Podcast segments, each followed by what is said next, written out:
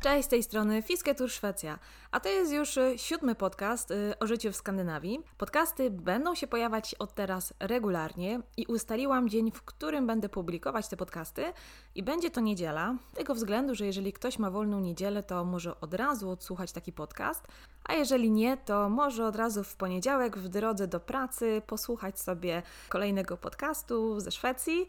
Przypomnę tylko, że jesteśmy zarówno na Spotify, jak i na YouTube i chciałabym Was bardzo zachęcić do odwiedzenia naszej strony na Facebooku, naszego e, fanpage'u Fiskę Tour Szwecja o życiu w Skandynawii. Tam wrzucam zdjęcia, wrzucam różnego rodzaju filmiki e, o tym, o czym mówię w podcastach i dzięki temu będziecie mogli sobie tak troszeczkę zwizualizować to, o czym ja mówię, o tym naszym życiu w Szwecji, jak ono wygląda. Podcasty będą się pojawiać w niedzielę. Postaram się, żeby to była każda niedziela. Jeżeli coś by się okazało, że nie będzie tego podcastu, coś by nam wypadło, to wtedy dam znać e, właśnie na Facebooku. Pomimo, że jesteśmy dosyć aktywni w mediach społecznościowych, e, tych naszych wędkarskich i o Skandynawii, to często zdarza się, że jesteśmy poza zasięgiem. My bardzo to lubimy. Pakujemy samochód, pakujemy łódź i jedziemy gdzieś, gdzie nie mamy zasięgu, a na pewno nie mamy internetu, nie korzystamy, także nie jesteśmy dostępni online 24 godziny na dobę. Także jeżeli dostajemy też od Was wiadomości, to na pewno odpiszemy, tylko czasami potrzebujemy więcej czasu, czasami wracamy już późno, późno w nocy, ponieważ dużo czasu spędzamy właśnie na jeziorze, na, na, na łodzi i czasami tak naprawdę do oporu. Nawet jak pracujemy, to zdarzają się takie dni, że wracamy dosyć późno wieczorem albo nawet w nocy. I ja wtedy nie korzystam z internetu, mamy e, wyłączone telefony i taką też Szwecję, taką dziką Szwecję, taki kontakt e, z naturą, takie przebywanie właśnie poza internetem chcielibyśmy może nie tyle promować, ale pokazać Wam, w jaki sposób my żyjemy. Jak uciekliśmy z dużego miasta, e, ja kochałam życie w dużym mieście, uwielbiałam to, co niesie za sobą życie w dużym mieście, chociaż czasem mnie to przytłoczyło i wiem, że wiele osób w Polsce żyje, właśnie jest mocno przytłoczona tym, jak te miasta się rozbudowują, jak e, wiele galerii handlowych powstaje, jak wiele samochodów teraz jeździ, jakie są korki na ulicach. Mm, I my właśnie troszeczkę od tego uciekliśmy do Szwecji i chcemy Wam takie życie bardziej spokojne, blisko natury, z dala od miast, takie spokojne, sielankowe, wiejskie życie, pokazać i udowodnić, że to wcale nie musi być nudne, ponieważ mamy bardzo dużo zajęć i u nas dzieje się czasami y, więcej niż y, w dużym mieście. Mamy więcej czasu i więcej energii, żeby poświęcić czas na swoje pasje. Jeszcze nie tęsknimy za Szwecją, y, może dlatego, że jesteśmy u siebie w domu i do Polski przyjeżdżamy, tak do domu przyjeżdżamy mm, na święta i przyjeżdżamy właśnie na wakacje, jak mamy urlop. Czasami zdarza nam się wyskoczyć, teraz ostatnio mieliśmy bardzo, bardzo dużo wyjazdów e, i byliśmy w Polsce ekstra, ale nie byliśmy w domu, byliśmy w zupełnie innych miastach, więc to tak trochę się nie liczy. Całą wiosnę mieliśmy bardzo, bardzo intensywną. Byliśmy w Sztokholmie, w Oslo, w Gdańsku, w Warszawie, wielu, wielu innych e, miastach i wszystko to jest związane z fisketurem, więc też omówię w osobnych podcastach e, po kolei, co też robiliśmy. E, to były bardzo fajne wydarzenia i uważam, że warto o tym powiedzieć. Myślę, że każdego, kto interesuje się Skandynawią, to zainteresuje. Jako, że mamy ten okres wakacyjny teraz, to chciałabym powiedzieć o Szwecji właśnie w kontekście urlopu, spędzania wakacji w Szwecji, która jest popularnym kierunkiem i wydaje mi się, że coraz więcej turystów przyjeżdża do Szwecji. W rejony, w których my mieszkamy, mamy wielu turystów, głównie z Niemiec, ale też z całej Europy. Przyjeżdżają wędkarze, ale nie tylko. Przyjeżdżają rodziny z dziećmi. Jest tak wiele możliwości, nawet w takim małym miejscu, gdzie właściwie wydaje się, że nic nie ma, ale wszystkich przyciąga właśnie natura, spokój, zwłaszcza turyści z Niemiec bardzo to lubią. I pomimo, że miejsce to przyciąga sporo osób, to my nie czujemy w ogóle tego, że tak wielu turystów tam przyjeżdża. Gdzieś ci ludzie rozjeżdżają się po tych jeziorach, po lasach, po jakichś chatkach albo mm, pakują swoje wszystkie rzeczy, pakują namioty i na przykład wypożyczają sobie kajak i płyną, a mamy ogromne jeziora. My mamy jeziora, mieszkamy nad jeziorem, które ma ponad 80 km długości. Także jest gdzie popływać i jest ta przestrzeń dla tych turystów. Nie ma czegoś takiego, że jedna osoba siedzi obok drugiej, tak jak jest na przykład nad Polskim Morzem, tylko można znaleźć takie miejsca, gdzie przez cały dzień nie spotka się drugiego człowieka. My na samym początku, jak przyjechaliśmy do Szwecji, to cały czas czuliśmy się jak na wakacjach na takim urlopie, pomimo że pracowaliśmy, ale mm, mieszkaliśmy nad jeziorem już od samego początku. Jeżeli jesteście ciekawi, jak wyglądały te nasze początki, te pierwsze dni w Szwecji, jak się tam znaleźliśmy, to zapraszamy do tych początkowych podcastów. Tam opowiadamy o tym pierwszym naszym mieszkaniu, o tym pierwszym pokoju, który wynajmowaliśmy, ale budynek znajdował się bardzo blisko jeziora i my już właściwie zaraz wypożyczaliśmy łódź. E, wtedy jeszcze nie mieliśmy swojej i sobie pływaliśmy akurat na ryby, ale też trochę rekreacyjnie, żeby zobaczyć, jak wygląda ta miejscowość e, trochę z innej perspektywy, właśnie mm, od strony jeziora. Tych jezior jest u nas tak dużo, że bardzo wiele osób ma łodzie. Nawet osoby, które mieszkają obok jeziora, mają właściwie z ogrodu wychodzi pomost, tam jest łódź i wiele osób sobie pływa, wędkuje. Jest to bardzo, bardzo popularne. Nawet y, dzieci pływają takimi mniejszymi motorówkami albo na jakichś skuterach. My dużo czasu spędzamy wszyscy nad wodą, akurat mamy, mamy takie warunki, że te jeziora są dosyć duże i jest, y, jest tak naprawdę gdzie popływać. Jeszcze z takich ciekawostek, to mamy taką sporą galerię handlową i tam również jest pomost i można za, na zakupy podpłynąć sobie motorówką, e, a ponieważ e, no, jeziora są dosyć duże i czasami jak trzeba je objechać, to może być taka sytuacja, że łatwiej jest dopłynąć do tego sklepu niektórym osobom niż objechać jezioro. Znowu w zimie, jeżeli już jeziora zamarzną i to jest taka grubość 40 cm, to już jest taka bezpieczna grubość lodu, to również wtedy przejeżdża się przez jezioro samochodem. Nie trzeba objeżdżać dookoła drogą, tylko droga idzie przez jezioro, wtedy jest y, oznaczona e, i można sobie spokojnie na skróty przejechać, ale tak jak mówię, to jest bardzo gruby lód, to jest bezpieczny lód e, i to jest wtedy sprawdzone, że na pewno można wjechać na jezioro. Na naszym kanale wędkarskim Fisketur Szwecja jest filmik pod tytułem Jak się bawią Szwedzi zimą, czy jak spędzają zimę w Szwecji. E, I tam jest e, właśnie taki filmik, uwaga, z rajdów po zamarzniętym jeziorze. Jak e, wokoło jeżdżą samochody, mamy też takie ujęcia z drona. Jak jesteście ciekawi, to możecie sobie zobaczyć, jak to wygląda. I to jest takie właśnie ogromne jezioro, i tam dookoła jeżdżą samochody. Ja tutaj o zimie, ale wróćmy do wakacji. Mamy w końcu urlop.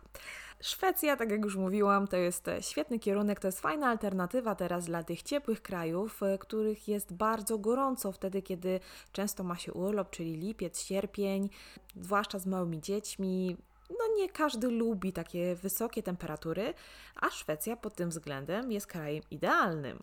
Można się kąpać, e, ponieważ jest na tyle ciepło. Oczywiście o ile jest pogoda, bo może się zdarzyć, że tej pogody nie będzie, chociaż e, nie chcę zapeszyć, ale u nas ten lipiec, sierpień i czerwiec, e, właściwie przez te 4 lata jak mieszkamy, zazwyczaj są przepiękne. Są bardzo ciepłe, można się kąpać. W tamtym roku były bardzo gorące wakacje, chyba pierwszy raz od wielu, wielu lat. Mieliśmy upały właściwie od y, od czerwca chyba, ale to były takie upały ponad 30 stopni. To, jest, to była taka bardzo wyjątkowa sytuacja, było strasznie gorąco. E, domy bardzo szybko się nagrzewały, te drewniane domy. One też są dosyć ciepłe w zimie, natomiast na takie temperatury to nie do końca zdawały egzamin, też się szybko nagrzewały, w domu nie dało się wytrzymać. No i Szwedzi się bardzo źle czuli, było strasznie, strasznie gorąco. Ale to była taka wyjątkowa pogoda. Natomiast co roku jest wakacje tak ponad 20 stopni, czy te temperatury się wahają, to oczywiście oczywiście zależy, ale można się kąpać. Woda jest dosyć ciepła, ponieważ jest ciemna, szybko się nagrzewa. Są plaże i kąpieliska, które są specjalnie przygotowane. Jest pomost, są toalety, są przebieralnie, e, jest koło ratunkowe, także można z tego korzystać. Fajnie jest to zorganizowane, fajnie jest to zaaranżowane. Ciekawą opcją jest również wypożyczenie kajaka i podróżowanie przez kilka dni właśnie po różnego rodzaju jeziorach, dlatego że można z jednego jeziora przepłynąć w drugie, są takie odpowiednie śluzy, e, więc spokojnie można przepłynąć bardzo długą trasę, a że na tych jeziorach jest bardzo dużo wysp i te wyspy są przystosowane właśnie do noclegu i kupuje się taką kartę, która kosztuje naprawdę niedużo. To jest za dobę, w tamtym roku chyba u nas to było około 20-30 zł za osobę, I można sobie rozbić takie obozowisko na wyspie. Tam przygotowane jest drewno, przygotowane jest takie e, miejsce do spania, gdzie można sobie, można sobie też rozłożyć namiot, ale można sobie rozłożyć sam śpiwór. E, jest takie zadaszenie właśnie, gdzie można sobie, gdzie można się przespać. I to jest, jest osoba, która jest za to odpowiedzialna, za to, żeby tam posprzątać, żeby przygotować drewno. Także to nie są duże koszty, a można bardzo fajnie właśnie tym kajakiem opłynąć okolice i sobie tak nocować na wyspach. Bardzo dużo osób w ten sposób biwakuje. Bardzo dużo właśnie turystów z Niemiec w ten sposób lubi spędzać czas.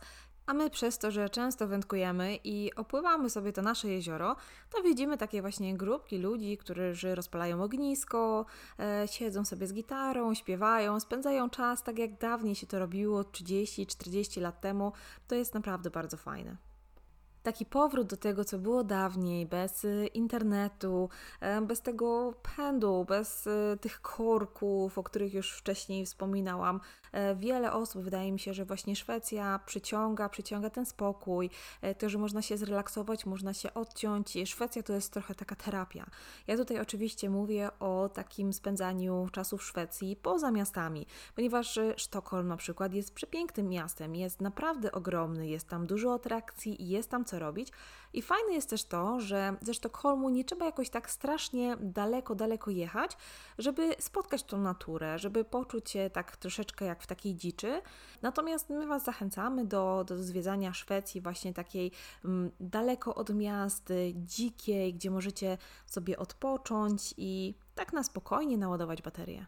Dzisiaj chciałam Wam opowiedzieć jeszcze o takiej bardzo fajnej atrakcji. Jeżeli zwiedzilibyście Szwecję, zwłaszcza w tym okresie wakacyjnym, jest takie bardzo fajne miejsce, właściwie miejsca w Szwecji, które można odwiedzić i jest to fantastyczna atrakcja nie tylko dla dzieci. Chodzi tutaj o łosioparki, czyli takie parki, w których możecie zobaczyć łosie. I w ogóle o łosiach trochę opowiem Wam więcej. Ja na początku, jak przyjechaliśmy do Szwecji, nie wiem, ale miałam taką obsesję, że te łosie są wszędzie.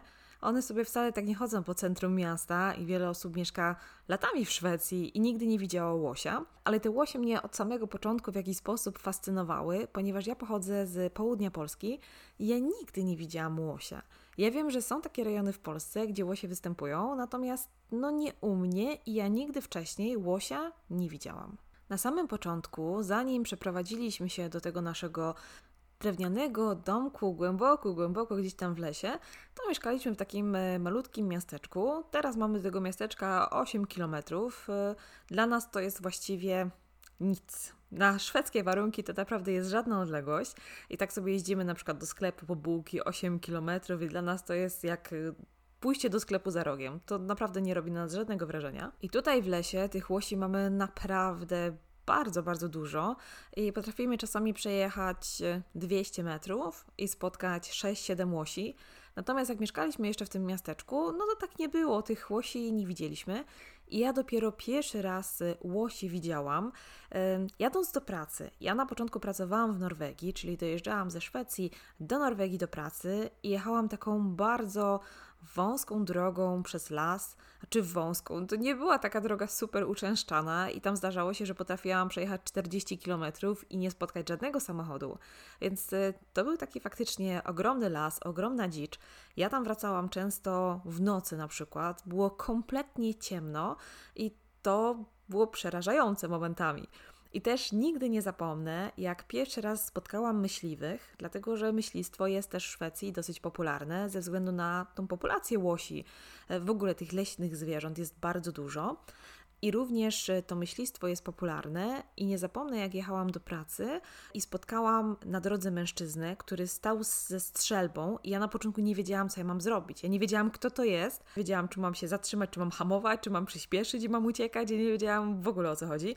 Dopiero później, jak już się tak do niego zbliżyłam, to wtedy się zorientowałam, że to jest polowanie. I ci ludzie, to jest bardzo dużo osób, zazwyczaj bierze udział w tym polowaniu, jest tam gdzieś się parkują samochody, idą do lasu. Natomiast jak jedziecie samochodem i naprzeciwko was wychodzi facet z taką ogromną strzelbą i nie jesteście do tego przyzwyczajeni, tak jak ja już teraz, no to faktycznie jest to takie dziwne trochę z tymi myśliwymi to w ogóle mieliśmy przygody. Oprócz tego, że tata z Darkiem kiedyś wybrali się szukać grzybów w lesie i zorientowali się, że jest to właśnie ten sezon myśliwski, sezon połowów i trzeba dosyć mocno uważać, żeby ktoś nie pomylił cię z łosiem, więc na to też zwróćcie uwagę, jakbyście się gdzieś tam po takich właśnie lasach, gdzieś tam oddalonych, jakbyście się gdzieś tam kręcili, to pamiętajcie o tych polowaniach, że tak ludzie polują w Szwecji, dosyć jest to popularne i o, żeby nie doszło do jakiegoś wypadku. No oczywiście tam są wszystkie procedury, jest to wszystko zabezpieczone i tak dalej, ale zdarzały się takie przypadki, w których, y, na przykład ja znam taki przypadek, w którym y, żona postrzeliła męża na polowaniu, który w ogóle ją strasznie do tego polowania zachęcał, ona niespecjalnie chciała i nie jestem pewna, czy tak chciała mu dać znać, że nie, to nie jest dla niej, no ale chyba skutecznie, bo już się nie wybrała z nim na polowanie. Ale takie wypadki się zdarzają, więc też o tym pamiętajcie. Kolejna przygoda z myśliwymi wyglądała w ten sposób, że kiedyś tata z Darkiem, wracając po pracy, e, podjechali sobie do naszego domu i zdarzyło się tak, że podjeżdżają po pracy pod dom, a tam ktoś do nich macha. Gdzieś e, zaraz właściwie na naszym podjeździe siedzi myśliwy, ubrany oczywiście w takie maskujące ubranie, gdzieś tam się schował, żeby go nie było widać i tylko do nich pomachał, że on tutaj jest i on tu siedzi i poluje z tą strzelbą i czeka na zwierzęta, e, ponieważ my mieszkamy, okazało się później, że my mieszkamy w takim rejonie dokładnie, gdzie ta zwierzyna jest naganiana i gdzie myśliwi polują i oni ja nie do końca właśnie rozumiem, ale tak oni sobie siedzą u mnie na podjeździe, u mnie właściwie w ogrodzie z tą strzelbą e, i sobie polują na te nasze ukochane sarenki. Ale zabawne jest to, że kiedy myśliwi u nas są właśnie w tym rejonie i polują, to te zwierzęta gdzieś w ogóle są pochowane po lasach, a jak tylko myśliwi pojadą, to wszystkie te nasze sarny i nasze łosie, które tam są właściwie non-stop koło tego domu chodzą i podchodzą bardzo blisko, podchodzą właściwie na pół metra od domu, to nagle się pojawiają i wszystkie są w komplecie zadowolone, ci myśliwi tam kilka dni koczują i nic nie są w stanie upolować. Bardzo mało w sumie, to nie jest takie też proste z upolować zwierzynę. Trochę nam to tłumaczyli, jak to wygląda, w jaki sposób oni to organizują, no ale to jest dosyć takie zawsze zabawne, że długo, długo tam czekają i nic, a później wszystkie zwierzęta wychodzą na polanę i my sobie tam oglądamy je przez okna. Jest to bardzo fajne. Nasz dom to jest takie fajne miejsce do obserwacji właśnie zwierząt, bo one bardzo blisko blisko sobie podchodzą.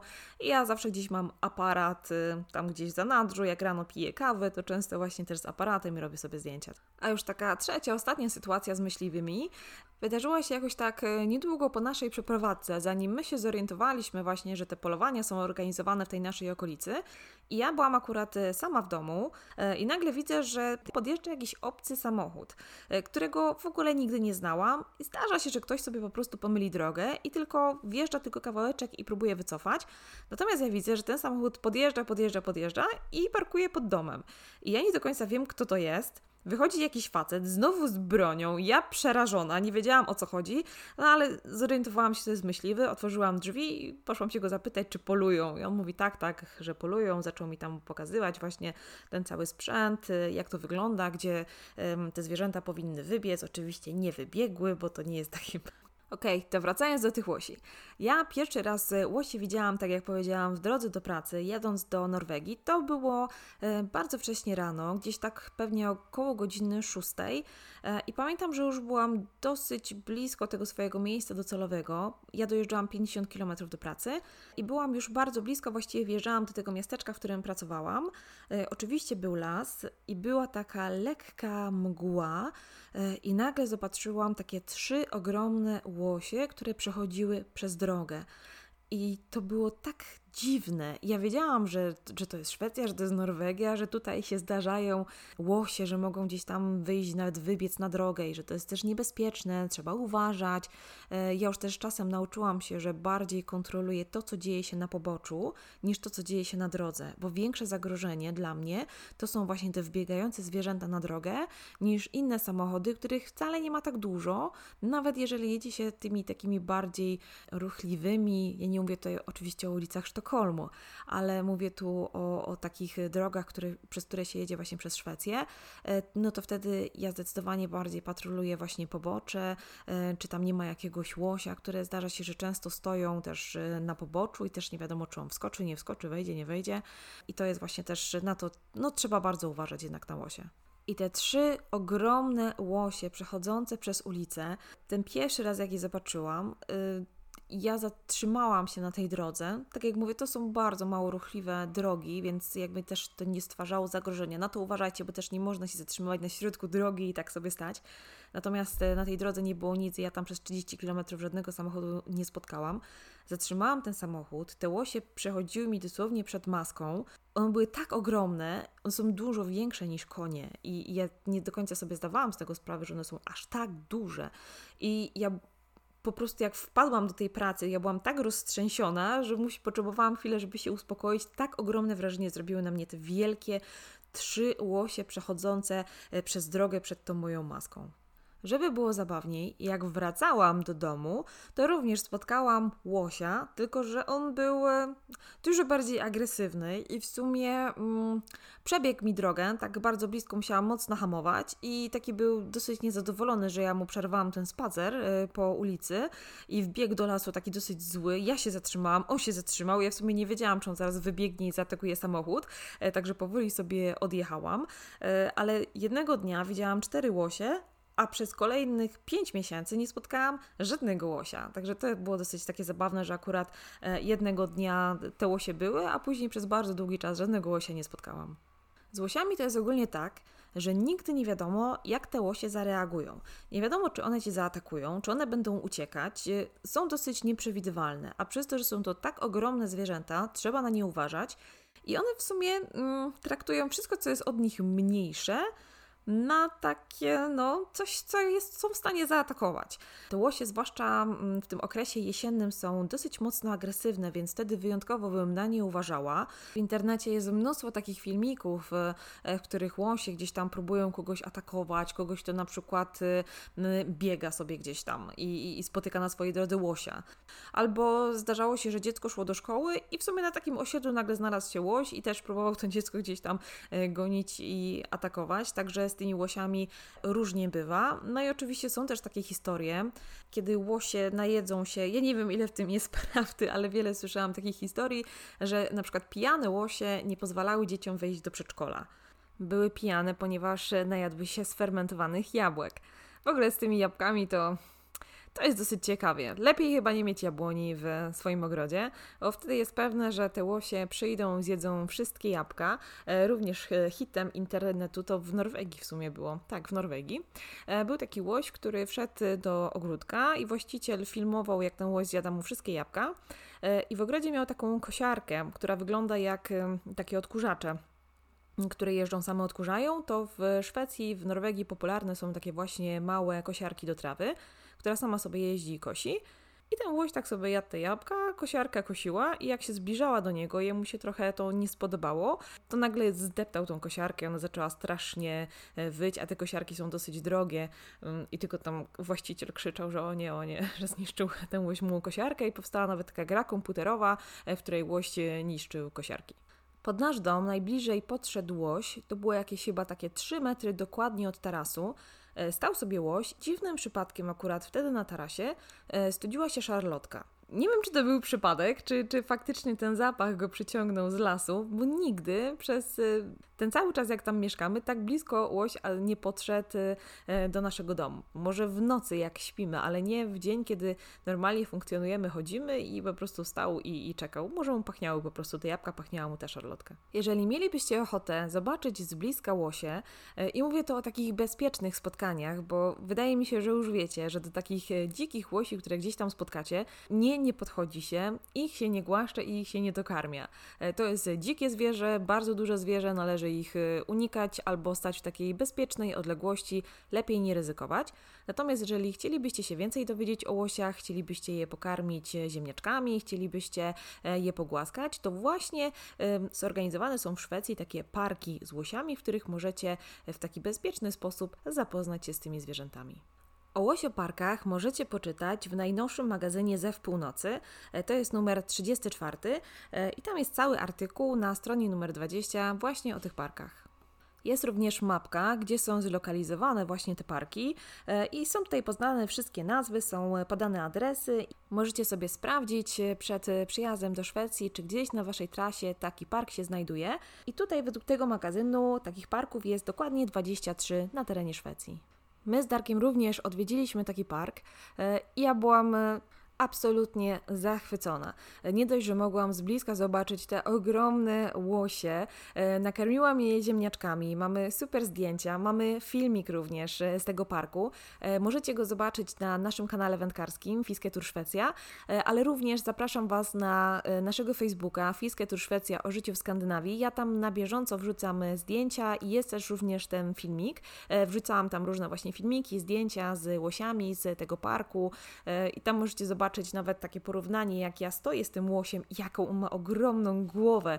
Także odsyłam Was do tego naszego Facebooka, tam wszystko będzie na bieżąco. W takim parku również jest przewodnik, który opowiada właśnie o łosiach, o ich zwyczajach i można dowiedzieć się dużo e, takich ciekawych rzeczy. Ja dowiedziałam się, jak wysoko te łosie skaczą. E, nie do końca zdawałam sobie z tego sprawę, bo on jest taki duży ten łoś. Wydawało mi się, że aż tak strasznie nie skacze e, wysoko i jak przejeżdża się drogą i są czasami takie wzdłuż drogi, są takie zabezpieczenia, takie siatki nie za wysokie, to wydawało mi się, że taka siatka łosia powstrzyma. Natomiast absolutnie nie, ponieważ one potrafią przeskoczyć na nawet dwumetrową siatkę.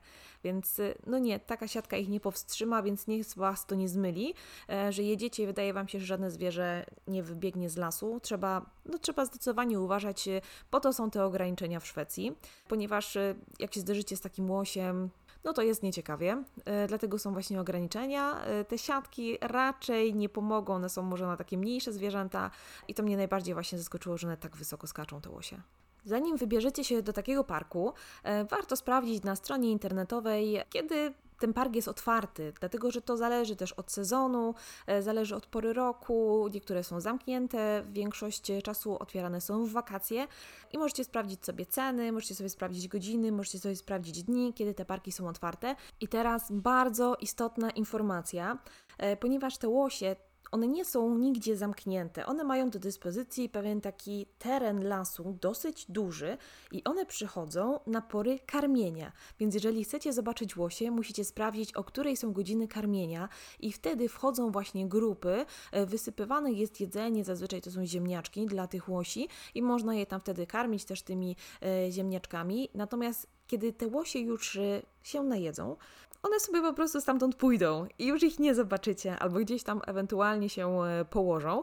Natomiast one tam nie są w żaden sposób e, przywiązane, nie są zamknięte, więc e, pory karmienia tak, one wtedy przychodzą, można je pogłaskać, zobaczyć, natomiast jak już zjedzą, to, to już po tym nie. Dlatego są podane godziny, w których się przychodzi. Pamiętam, że my byliśmy o godzinie 11. Nie pamiętam ile dokładnie to trwało, ale wydaje mi się, że tak pół godziny do 45 minut i później już te łosie miały dojść, już poszły w swoim kierunku, ale wtedy przewodnik opowiadał nam właśnie o, o, o łosiach. Bardzo to było ciekawe. Naprawdę nie zdawałam sobie sprawy, że to będzie aż tak ciekawe. Sposób w jaki opowiadał, zresztą osoby, które się tymi łosiami e, zajmują są bardzo zakochane w tych łosiach, mają ogromną wiedzę, pracują przez wiele, wiele lat z tymi łosiami, e, znają wiele fantastycznych historii, także warto tego posłuchać. Można też pójść do sklepu z pamiątkami i kupić sobie na przykład y, bryloczek z takim już słynnym znakiem uwaga łość. Można sobie kupić kubek, można sobie kupić pamiątki. I jest to super atrakcja nie tylko dla dzieci, ale również dla dorosłych. A jeżeli nie macie takiej możliwości, żeby odwiedzić taki park e, z łysiami, e, to ja wrzucę na tym naszym Facebooku Fiskę to Szwecja o życiu w Skandynawii taką stronę, którą ja obserwuję na Facebooku. Jest to właśnie jeden z parków łosi i tam właśnie ten właściciel, ten opiekun tych łosi na bieżąco e, wrzuca różnego rodzaju filmiki, jak dokarmia te łosi, jak one sobie tam chodzą, nawet jak wchodzą do domu i zjadają mu kwiatki. Więc możecie sobie spokojnie też poobserwować na Facebooku właśnie taką farmę łosi.